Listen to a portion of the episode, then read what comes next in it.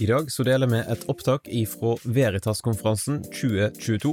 Veritas-konferansen er i hovedsak et samarbeid mellom tre organisasjoner, NLA, Mediehøgskolen Gimlekollen, der Damaris Norge er en randsonevirksomhet, og laget NKSS og Bibelskolen i Grimstad. Vi vil anbefale deg å bli med på Veritas-konferansen 2023. Den 20. til 22. oktober på Bibelskolen i Grimstad. I 2023 så vil hovedtemaet være Fornuft og fantasi arven etter CS Lewis. Sjekk ut veritaskonferansen.no for mer informasjon, og meld deg på i dag.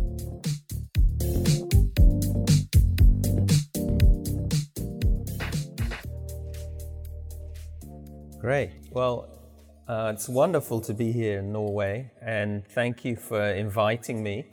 Um, and I want to say a big thank you as well to Veritas for uh, translating my book into Norwegian. It's such a privilege. Uh, it's the first foreign language translation, and so far the only foreign language translation.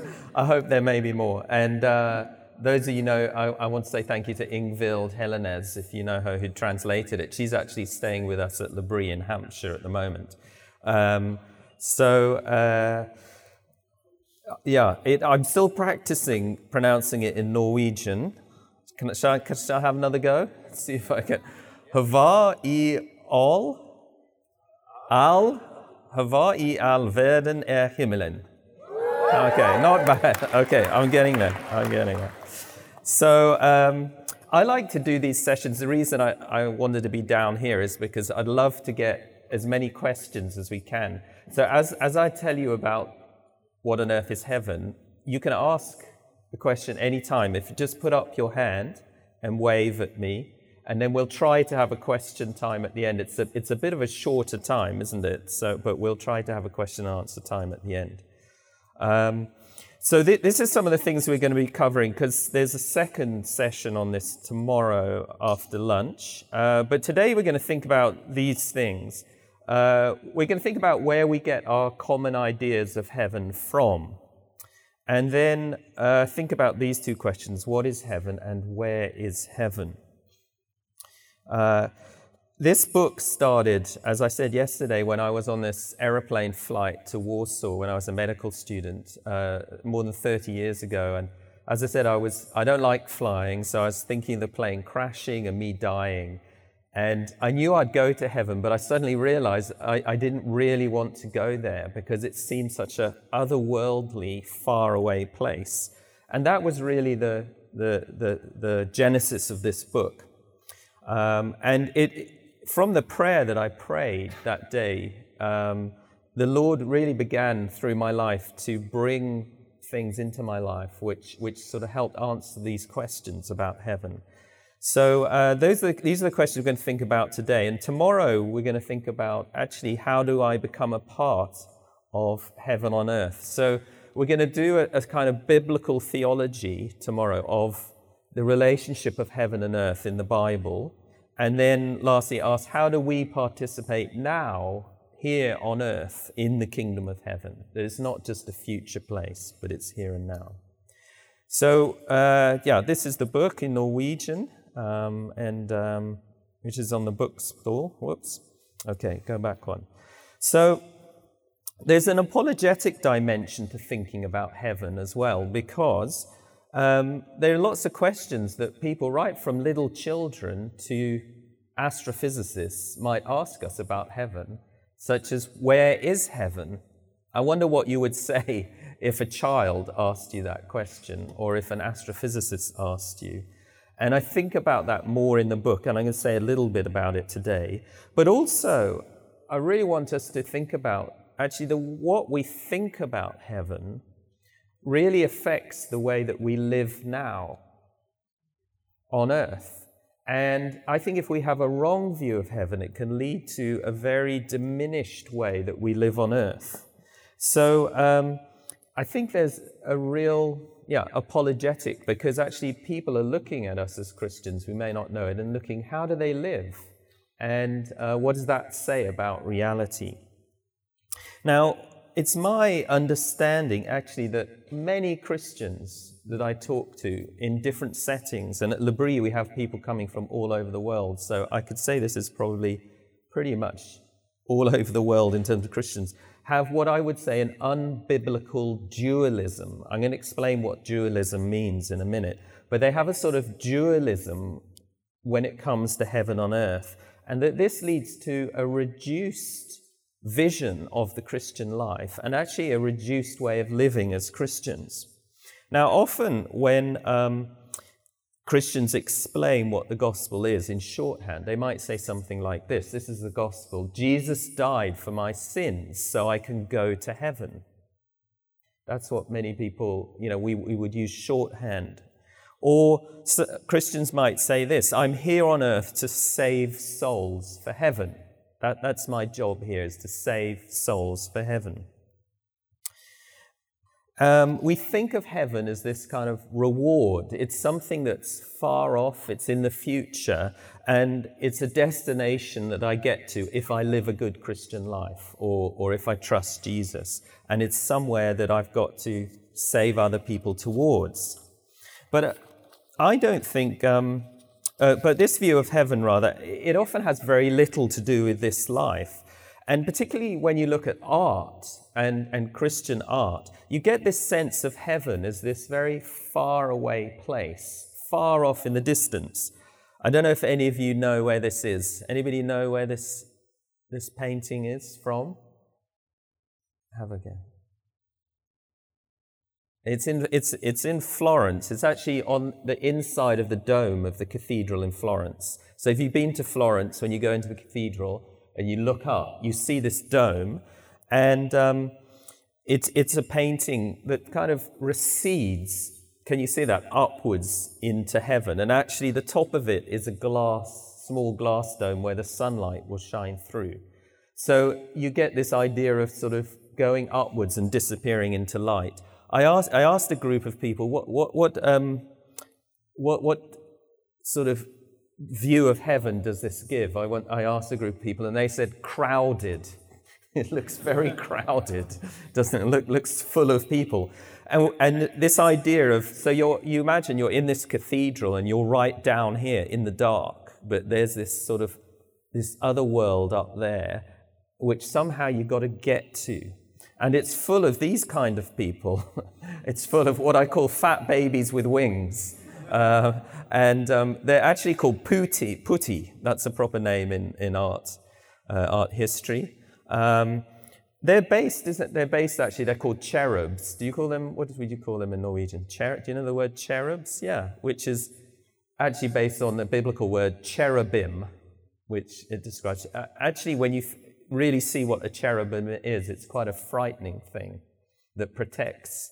Um, it's, it's not a little fat baby with wings. I don't know where these things got into art. I guess it's the idea of Cupid, isn't it? The, the, the Greek idea, Roman idea of Cupid. Um, but um, contemporary art also has this same similar idea of heaven. This is a piece of art called All Dogs Go to Heaven. and apparently, the artist, you can have your dog's picture painted. See? But it's the idea, isn't it, of heaven as being somewhere we go up to, ascending stairs. You know, it, it's a far off place. Here's another one, more contemporary, by um, a lady called Akiane Kramarik, who has visions of heaven. And this one is complete with winged horses and, you know, people in long flowing white robes and the celestial city these are the images that we often get of the idea of heaven. It's a place that my soul escapes to when I die and I leave my body here. It's a non material place. This place is material, made of wood and, and, and flesh and um, metal and rock. But heaven is, is a non material, sort of cloudy, ethereal, maybe almost shadow like place. It's disconnected, though, from everything I know in a body. And that was my problem on the aeroplane, and might be your problem too. It was actually my problem this morning when, very kindly, uh, we're staying in this beautiful hotel in, uh, what's it called? Fevik? Fevik, yeah. Beautiful. And in Roald Dahl's room where he stayed. It's so beautiful. And I went for onto the beach this morning, and it's just this incredible little bay with the trees, and it's autumn, and the trees are turning color, and it's you just go, oh, this is amazing. And then heaven somehow just seems this place where all of that is left behind, and you just float off as a soul into a pink, fluffy cloudscape. And I kind of went, oh, you know, is, is that the future? Is that what God is, is promising us? So, um, now, what I actually want to say, and that, that this is the main bit to, to try and help you uh, think about this morning, is actually this idea of heaven as just, just a far off place in the future that we go to when we die. The idea that it's non material and it's sort of shadowy is not actually what the Bible says. And it actually comes from a different worldview. And a lot of us have what I call this dualism. Now, dualism is a split in reality there can be lots of types of different dualisms. But a dualism means when you have a split in reality. And often as Christians, we have a kind of split between heaven and earth. So we've split the two in this kind of way. So we have heaven up there, earth is down here. Heaven is spiritual, earth is material. So we often have another split. I'm going to talk about that this afternoon in What on Earth is Spiritual. Often this other split. Okay? Heaven is where God is, it's eternal, it's unchanging, it's perfect, it's real. The earth is human, it's temporary, it's an illusion, maybe, it's fallen. Heaven is good, and the earth is bad, evil. Heaven is where our soul will be, and the earth is where we get trapped in a body. So, do, do you get that sense of a dualism? Do, if anybody wants to ask any questions, just please do. But do you get that sense of this split? And, and we sort of put these two things, heaven and earth, as if they're opposites of one another. And the Christian story is how do we escape earth for heaven? That becomes the Christian story. And often uh, we think of our lives as a life cycle. Who's, who's seen Disney Pixar's Soul, the film Soul? Have you seen that? Great, isn't it? The music is amazing, wonderful jazz music it, it's fantastic animation, and I love the story in many ways. But the story of soul, isn't it, is this interesting story where the, the, the characters start as souls in the great before, then they get trapped in a body, and at death, you get set free, and your soul goes to the great beyond. Okay? Um, do you see that's the kind of life cycle? Does that make sense that you often see and people often talk about? But actually, that is not what the Bible talks about at all in terms of the human life cycle. Um, in this kind of dualistic worldview, as I said, the, the idea then of the, of the Christian life is that we need to sort of somehow escape this world for heaven. And so we need to disengage with earthly things. Um, and that often for a lot of Christians means disengaging from culture, from the arts, uh, from film, from being engaged in politics or, or in business or in caring for the environment, because all of those things are earthly. But we, we, we need to concentrate on the heavenly and, and concentrate on the inner life of the soul that, so that our soul can go to heaven. Now, all of that that I've just said is not what the Bible actually teaches. And I, I, want us now just to think about this relationship of heaven and earth that the Bible talks about. And we're going to think much more about this in tomorrow's session. But the first thing to note in, in the biblical worldview, in the Christian worldview, is there isn't a dualism of heaven and earth. Okay? Because it's not as in the Bible that there's a good heaven and a bad earth because in the beginning, seven times in the first chapter of Genesis, as God creates the material creation, the, the, you know, the plants and the animals and our human bodies, he says it's good, it's good, it's good, seven times. And at the end of the material creation, he says it's very good. So the Bible doesn't start with this idea that heaven is good and the earth is bad but that in the beginning God created the heavens and the earth, and it was very good. It was just as God wanted it to be, which includes our bodies. That having a, hu- a physical body is not a bad thing that we need to escape to be spiritual, but actually, we are embodied beings who are spiritual within our bodies. I'll talk about more about that this afternoon in the session. So the material creation is good. Now, then, of course, we get the fall, which I will talk more about tomorrow when Adam and Eve rebel against God and what happens then. But even when that happens, nowhere in the Bible do you see God offering heaven as an escape route from the earth. The messages never escape the earth for heaven. So when Jesus comes along, and at the beginning of the Gospels, they tell us what Jesus' message is after his baptism. Jesus never says, he doesn't say, repent, escape this sinful earth, and for the kingdom of heaven up above. What does Jesus say? What does he say? Repent. Yeah, for the kingdom of heaven is here or has come near or is among you or is within you. There's lots of different times Jesus puts it slightly different ways.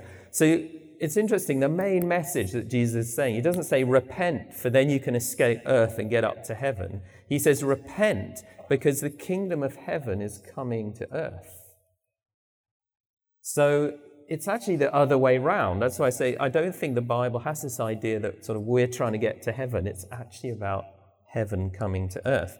And you see this again in the Lord's Prayer. Um, yeah, you, you know what I mean by the Lord's Prayer that Jesus teaches yeah, his disciples to pray. And if you look at the Lord's Prayer, it, it doesn't say this, does it? It doesn't say, Our Father who art in heaven, hallowed be thy name.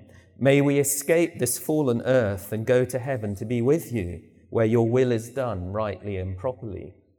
It doesn't say that, does it? It says, Jesus teaches us, Your kingdom come, your will be done on earth as it is in heaven. So, what he's teaching us is to be very earth focused in a way. He's saying what he wants us to do is pray that God's kingdom of heaven should come on earth. So, so do you see? Do you, are you beginning to get that it's, a, it's this coming this way downwards rather than us escaping upwards?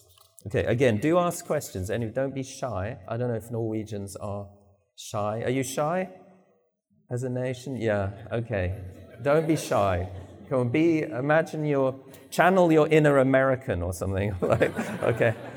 People tell me the Finnish are the most shy nation. Is that right? Yeah. Yeah. I don't know if that's true, but. Uh, um, okay, so don't be shy. Just go for it. Okay, so so th- that's this, and then we see Jesus' prayer answered. Oh yes, at the end, yeah. Do you want to, yeah, take a microphone quickly and ask a question? Yeah. Oh, yeah. You can grab it. And... Um, uh, I just yeah. want to ask a question about this. Uh, yeah, yeah. Lord's Prayer. On earth as it is in heaven. Yeah. two different things. Yeah, yeah, okay. Two different things, but as we'll see in a minute, two different things coming together. Yeah, yeah. So there's two things, but they're coming together rather than sort of being split apart. Thank you. Yeah, yeah. So there's this, uh, we're going to think about that in, in just a little bit. There is this thing, heaven, and we'll think what that is. But he's sort of praying really that heaven comes to earth. Yeah, rather than the two, as I said, you know, the dualism, the two becoming separated. Thank you. It's a good, good, good point. Well done. You, you get the first prize for being non Norwegian. Anybody else want to ask something? Just yeah, there. Um, come and yeah, you can pass the microphone around. I think. Or, yeah, yeah. You just yeah, you could just speak there. Thanks, Marius. So I was wondering. Uh, uh, I've read some of your book yeah. Uh, in English, um, and I was wondering uh, about uh, when you when you speak about this. Yeah, yeah. there is a we heard of uh, post-millennialism. Oh yeah, yeah, yeah. Which has many different forms. And, uh, yeah. Uh, one of the, uh, the more popular forms today is from the charismatic movement. Right. Yeah. Like in the US. And. Yeah, yeah. Uh, and sort of the base premise is that it's that it's going to go, go uh, that God's kingdom is going to Get better and better. and then, Yeah. uh, at one point Jesus is going to come back. Yeah. Uh, how would you? Uh, I've not read that far into your book. So Yeah, yeah, yeah, yeah. Yeah. Yeah, I didn't. I very deliberately in the book didn't address all the premillennial, postmillennial, all that stuff that goes on because it's very complex, isn't it? And I think a huge diversion from what's going on. But yeah, the, the postmillennials do have an idea of the sort of kingdom of God growing and growing and growing. I actually have more of an idea of um, that actually we face a lot of opposition. And, and I think if you read the book of Revelation right, you know, things improve sometimes and then get worse again, and then improve other times and then get worse again. Um, the parable that Jesus gives of the, the wheat and the weeds, you know, together and that kind of thing. Um, but I also have a very strong conviction that everything that we do now that is a part of the kingdom of heaven on earth, even if somebody else reverses it, it is eternal because it's part of the kingdom of heaven. So we can be very hopeful. Um, there's a verse at the end of Corinthians, 1 Corinthians 15 58, where Paul says, says basically nothing that you do in the Lord is done in vain. You know, and, and I, I have that hope that even if somebody else reverses it, actually what we've done has been important. So, okay, great. Let me see time wise. How are we doing? We're going to have to leave, we'll leave some time for questions. Okay. Now, I just want to say as well so, so we got this idea of Jesus praying that these two things come together. And at the end of Scripture, we actually see that heaven and earth have come together. And that is what we see in, in Revelation 21, right at the end of the Bible story.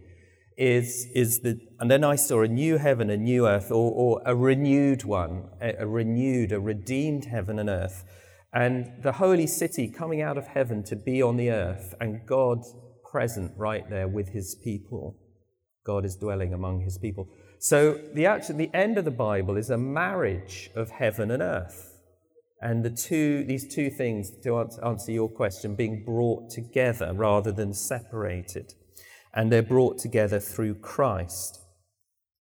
And this future includes our bodies. Actually, the, the, you know, the, the Bible talks about when, when Jesus returns and heaven and earth come together, uh, we will be resurrected, have resurrected bodies. So if we say the Apostles' Creed, some of you may say that at church on Sundays. The Apostles' Creed goes right back to the fourth century. One of the, one of the clauses of that says, I believe in the resurrection of the, it doesn't say the resurrection of the soul, it says the resurrection of the body. Uh, Jesus' own resurrection shows us that clearly when he's resurrected bodily and uh, he can be held onto and he can eat food. We can talk more about that later with his resurrected body. And um, this in, in Romans 8, it talks about clearly the creation itself not being destroyed when Jesus comes and we all float up to heaven, but the creation being freed from its bondage to decay and to sin and brought into the glorious freedom of the children of God. So the biblical story doesn't start at heaven, or sorry, start on earth and end with everyone going to heaven, but it starts with creation and ends with new creation. That's the Bible story. It goes from creation actually to the fall of creation to creation redeemed and renewed and heaven and earth brought together. So, so it, it, it's a very different story. So, Jesus then is not the answer to the question, How do I get to heaven? Okay, that, might sound quite radical, but I don't think if you ask Jesus, you know, what are you the answer to? He, he wouldn't have said, I'm the answer to how do you get to heaven. He might say, I'm the answer to how do you participate in heaven. We'll see that in a minute. But he wouldn't say, what do you think Jesus would say, you know, if he said, what is Jesus the answer to? What is the question Jesus is the answer to? You might have to shout out a bit louder. Yeah. Okay, here's he's probably the answer to this. How can heaven and earth come together? How can a holy heaven with the presence of God come together with a sinful earth that's fallen and broken? You know, how can those two things come together? How, how, that's what Jesus is. And, and when you look at um, what Paul says about the will of God for his creation, um, Jesus' work on the cross it isn't just so that you can get to heaven. It, it is so that you can have an eternal future with him and his new creation. But, but Paul says this. He says in Ephesians 1 8 to 10, God made known the mystery of his will. What is God's will? To bring all things in heaven and on earth together under Christ. It's, it's incredibly inclusive, isn't it, when you think of that? All things in heaven and on earth under Christ. So, do you see what God's will is what we just saw in Revelation 21 to bring everything in heaven and earth together under Christ? Um, so, the final reality that awaits us as Christians is not to be this disembodied soul floating off into you know, the pink, fluffy cloudscapes with the fat babies with wings and bows and arrows for some reason. So it's not, that's not the future.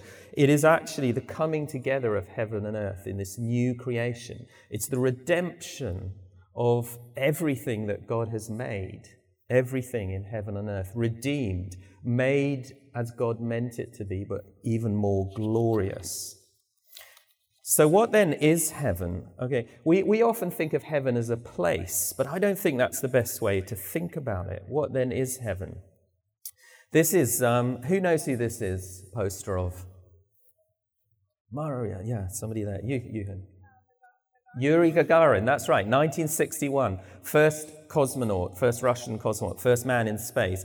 And he famously said, when he returned, although he probably didn't say it, it was a bit of propaganda, but he says when he's up there, and this poster is saying that, I looked and I looked and I looked, but I didn't see God as if God would be up there. But actually, if you read your Bible, you would know that God is not just up there, sort of above the, above the um, what do you call it, the atmosphere of the earth.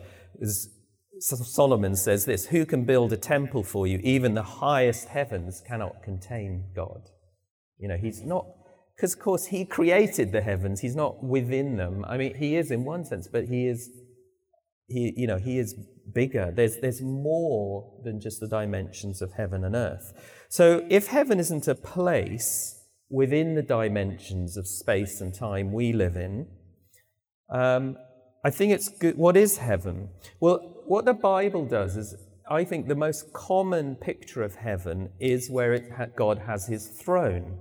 This is the throne of um, England, of Great Britain, which um, King Charles will be enthroned on in, in, in uh, uh, in, in May next year. Um, and, and what is a throne? When you ask yourself, what, what is a throne? What happens on a throne? What do you do? You, you sit on it. That's good, isn't it? And actually, sitting in the Bible is, your, is the position of ruling. That's why Jesus sat down at the right hand of God. For us, it's resting, isn't it? But in those days, it was ruling. And it's where a king or a queen, they speak their will and their will is done. So, Okay, here's one. Heaven is my throne. The idea, you could look at so many different verses. Heaven is my throne. But it's where a king or queen, a ruler sits and they, they, they speak their will and their will is done. So I think a really good way of thinking about heaven, rather than a place, you know, where is it? Can I get there in a spaceship? Maybe if Yuri Gagarin didn't find it, perhaps it's further beyond the Andromeda galaxy. No, no, no. You know, all that we can see of the universe is created by God. But heaven is this bigger dimension of reality. There's more to reality than just the four dimensions we live in. And it's the, re- it's the, it's the, the dimension of reality where God's will is done, because that's where his throne is, as the Bible says. And where his throne is, the king speaks his word, and his will is done in his kingdom. So heaven is the dimension of reality where God's will is done. And again, that's just what we say in the Lord's Prayer Thy kingdom come, thy will be done. Do you see that link between the idea of kingdom and will? It's linked together. Thy kingdom come, and the kingdom coming means that his will is done. So heaven The kingdom of heaven is where God's will is done, but we're praying that it's done on earth, you know, not just in heaven. So, God's plan for his creation is that his will would be done throughout it. And we, as the creatures made in his image, are the ones that he wants to carry out his will. And we'll look at this more tomorrow, but his will is that the whole earth should become a heavenly place where God's will is done. I'll say that again. God's plan is that the whole earth becomes a heavenly place where his will is done. And we are the people that he wants us wants that he's given the dignity to make it a heavenly place. Of course, actually, because we've rebelled against God, we, we make it a hellish place. But he wants to make it a heavenly place. And what does this look like? Well, I'll just do a little thought experiment with you, and then we're almost out of time, so I'll stop and just ask question, uh, take some questions. But imagine that the earth we live in is like is, is a flat land. I call it flat land. Imagine it's just like a piece of paper with only two dimensions, like, like this. It only has width and length, okay? Can you imagine that? So the earth is like this flat, yeah, two dimensional world. There's no up or down, there's just length and width. What is heaven like? Well, heaven is like a third dimension coming in. So, what would happen? What happens to a square when you add a third dimension? It becomes a, a cube. Yeah, okay, a cube. And how much bigger is a cube than a square? Maybe infinitely bigger, isn't it, actually? Because if a, you know, if a square doesn't really have any depth, but suddenly what you're adding is depth and height to something. Something that is quite thin and a bit immaterial actually becomes much more solid, 3D. Okay, and that's what heaven is doing to the earth. Actually, it, it, it's not obliterating the earth, it's not destroying the earth, but it's completing it and fulfilling it and deepening it in God's intention for it and glorifying it. The word glory in Hebrew means, means weightiness. So, so a 3D cube is so much more weighty than just a square with no depth. So there's this, this it's, it's, that's the idea, it's weightiness. You get a little picture of this at the Transfiguration. Do you know that? You know, when Jesus takes Peter, James, and John up the hillside, and Jesus is just this dust covered man, but suddenly they see his glory and they realize that there's so much more to Jesus than, than, than just the dust covered man. And actually, that's what we've got to realize is that there is so much more to this world than just the world. But it's not to escape the world, but it's to see the world glorified by Christ. There is so much more to you, to you than just, you know, the people sitting in front of me now. I think C.S. Lewis says if, if you saw an unfallen human being, you would be tempted to worship them as if they were a god. Because actually, we are all just fallen and broken images of something that's so wonderful and glorious. And Jesus isn't taking away our humanity, He's redeeming it, making us more and more the glorious beings that He made us to be. Okay, I think I'll stop there because, um, oh, I just want to say, yeah, maybe one last thing. Um, yeah, you could think of these parables. I'll stop there. I won't say anything more, but just these are parables of the kingdom the mustard seed and the yeast. But they're parables of something quite ordinary being transformed into something very beautiful. We sometimes think of the bigness of the tree, but actually, I think the beautiful thing about the tree is that the birds can come and make a nest in it. That's beautiful. And the bread is tasty and smells good. So the kingdom of heaven, when it transforms the earth, is beautiful. So, so as I finish, the, the gospel is not about how do I get to heaven, but I would say the gospel is this, and this is I'm going to finish. The gospel is a call to participate with Jesus in bringing heaven to our square inch of the earth. I'm sorry, we, I should say square centimetre, shouldn't I? Now we're outside the UK, okay. But okay, if, if you Lord, pardon me, our square inch of the earth. Okay. So the gospel is a call, of Jesus saying, Will you join me in being a part of bringing heaven to earth, to your square inch of the earth where you live, until the whole earth is made a heavenly place? I think that, that's what the gospel is. It's, it's much bigger than, than just us, it's about us being a part of what God is doing.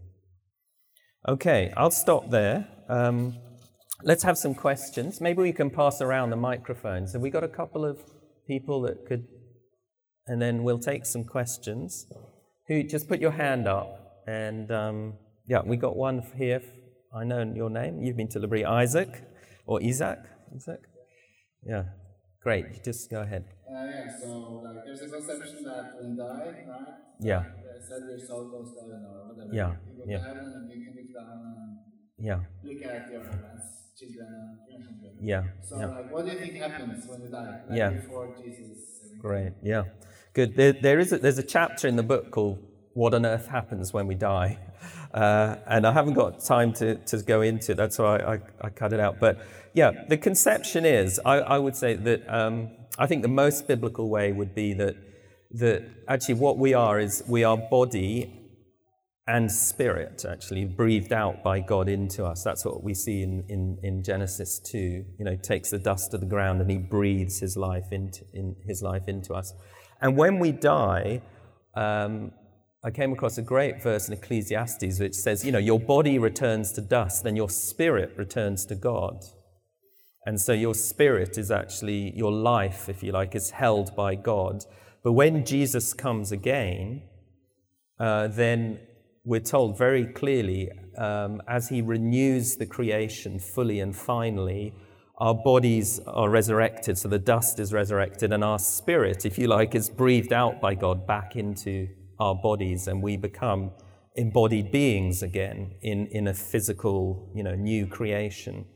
Um, what is it like, you know, to be a spirit, if you like, without our body? With, we're not told very much about that, but certainly I think the best, the best place to look would be the thief on the cross, where Jesus says to him as he's dying, he says, Today you will be with me in paradise. And I love those three things because he says, Today, so this minute, you know, the, the minute you die, you're not sort of unconscious or it's just sleeping. He says, You're with me. That's a beautiful thing, Jesus says, because it's a relationship. You know, you are with me, the author of creation and, and the person who is love itself. And you're in paradise, you know, which, which is a word, actually, it's, it's a Persian word for a beautiful, um, protected, walled garden, like a garden that a king had, which refers sort of to Eden, like where, you know, God walked with, with Adam and Eve in Eden. But he's saying, yeah, today you'll be with me in paradise.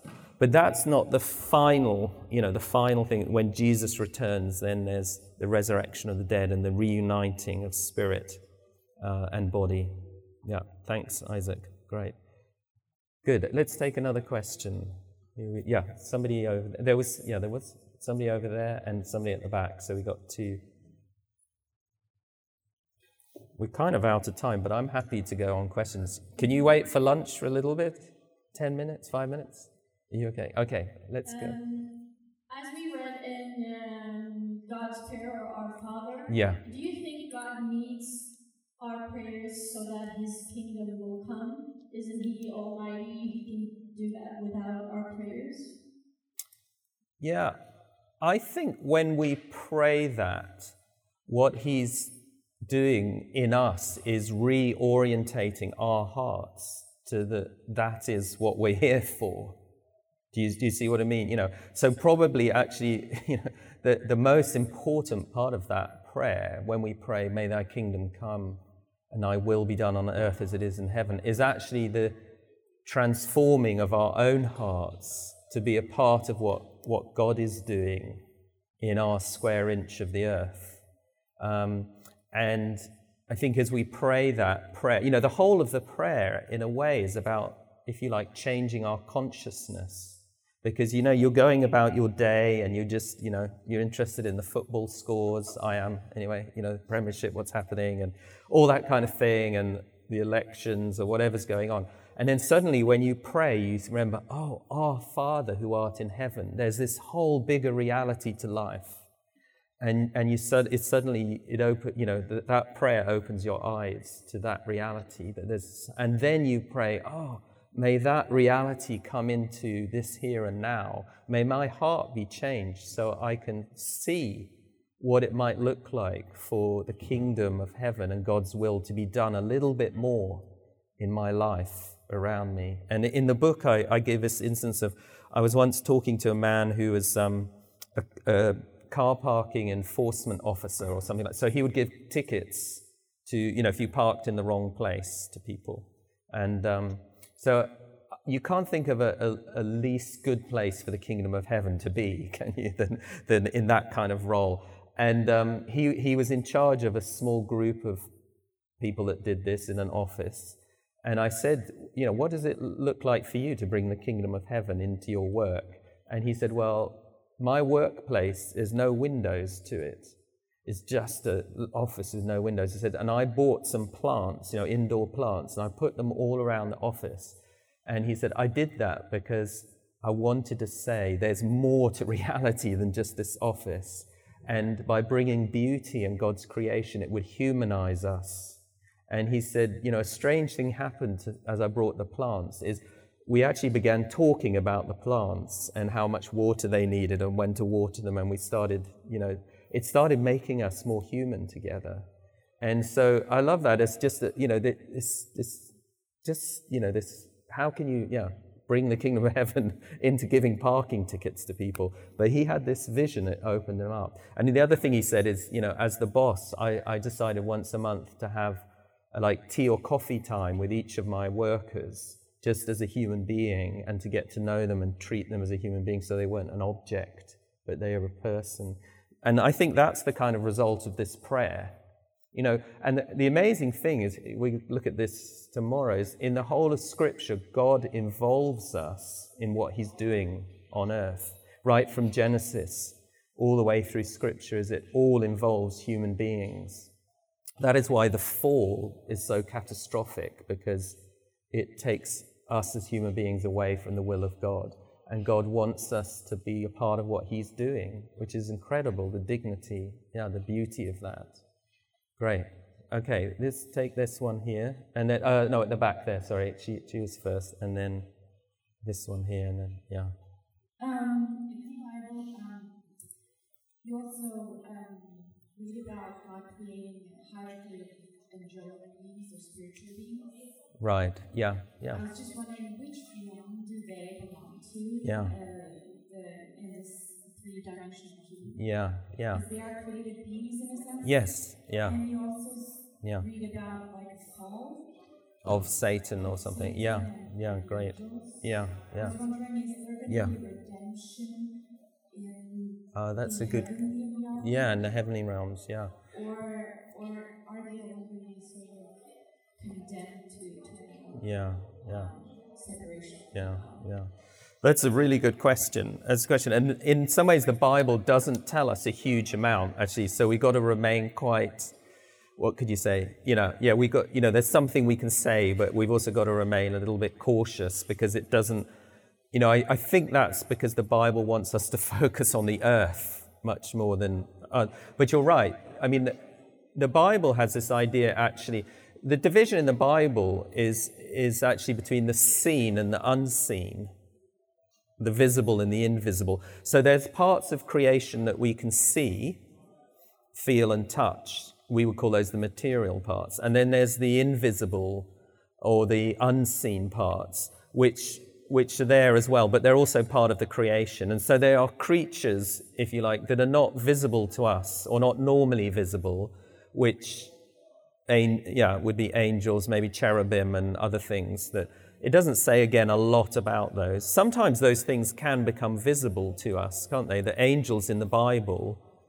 actually normally appear in human form and they can do very physical things, like when Jacob wrestles with the angel of the Lord, the angel of the Lord dislocates his hip, which is fairly physical, I think. So, so there is that. And, you know, yeah, part of that, the unseen has fallen, isn't it? That's, yeah, the, it was Satan. It doesn't, the Bible doesn't tell us, does it, about what, what happens, you know, if there's a redemption in the unseen. Um, but we do know that Jesus' work is cosmic, you know, brings it, you know, it's not, yeah, he will bring everything in heaven and earth together under himself. So, um, yeah, it doesn't say, we, we could talk more about that, but it doesn't say a lot about that. But we certainly know that when Jesus comes again, all evil and suffering and pain will be destroyed and, and will be got rid of. But the creation won't, the creation will be redeemed. Yeah. Thanks. We'll just take one more, and then there was someone down here that, yeah, had a question, and then we'll finish because I can hear that it's, it's lunch. Yeah. Um, I wonder if you think that will we sort of like gradually uh, overlap between heaven and earth until all is good, or will it be sort of breaking point or Yeah. Yeah. I think both, both and, you know, both and. So I think the problem is as Christians often that we have them so separated that, um, you know, that we're just sort of almost like waiting here on earth to go to heaven. Either Jesus will come or we'll die. And we're just sort of waiting around, you know, and keeping ourselves pure and holy to make sure that, you know, when Jesus does return, we get to go to heaven. Maybe your question, Marius, perhaps the post millennials bring them together too much, almost, this idea of, yeah, we can have heaven on earth now. But I, I think there's a tension. The Bible would sort of, you know, uh, people describe this as a tension between the now and the not yet. And so both things are true that actually we can participate, as I said, the, the- you know, participate in the kingdom of heaven here and now on earth. That's what Jesus calls us to do. But also there will come a time, and, and that's a real fight and a struggle, you know, and it goes back and forth, even in our own hearts, doesn't it? It goes back and forth. But there is also a time when Jesus will come definitively, you know, and put an end to, yeah, evil and suffering. So there's this kind of tension, and we have to live in that between the now and the not yet, without separating the two. So there's no continuity or bringing them together. I love what Maximus says in um, The Gladiator.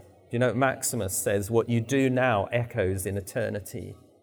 And I think there's just such a truth to that, actually. Um, that, you know, because what we do now, I really believe, if it's a part of the kingdom of heaven, is eternal. But there is a time when Jesus comes too, yeah. Good. Thank you so much. Thanks for questions. Uh, yeah, I'm around. Um, I'm doing some book signings if you want to read more. And um, shall I just pray and then we'll go and have some lunch? Let's pray. Father, we thank you so much for the glorious, wonderful future that is the redemption of all things. Everything that's good and true and beautiful in this creation will be redeemed, and nothing that's good and true and beautiful will be lost. And uh, give us a greater vision of that, give us a greater heart to be a part of it in all things. And uh, we thank you. We thank you so much for your love for us and for your creation, that you've never given up on it. Amen. Pleasure. Good. Thank you.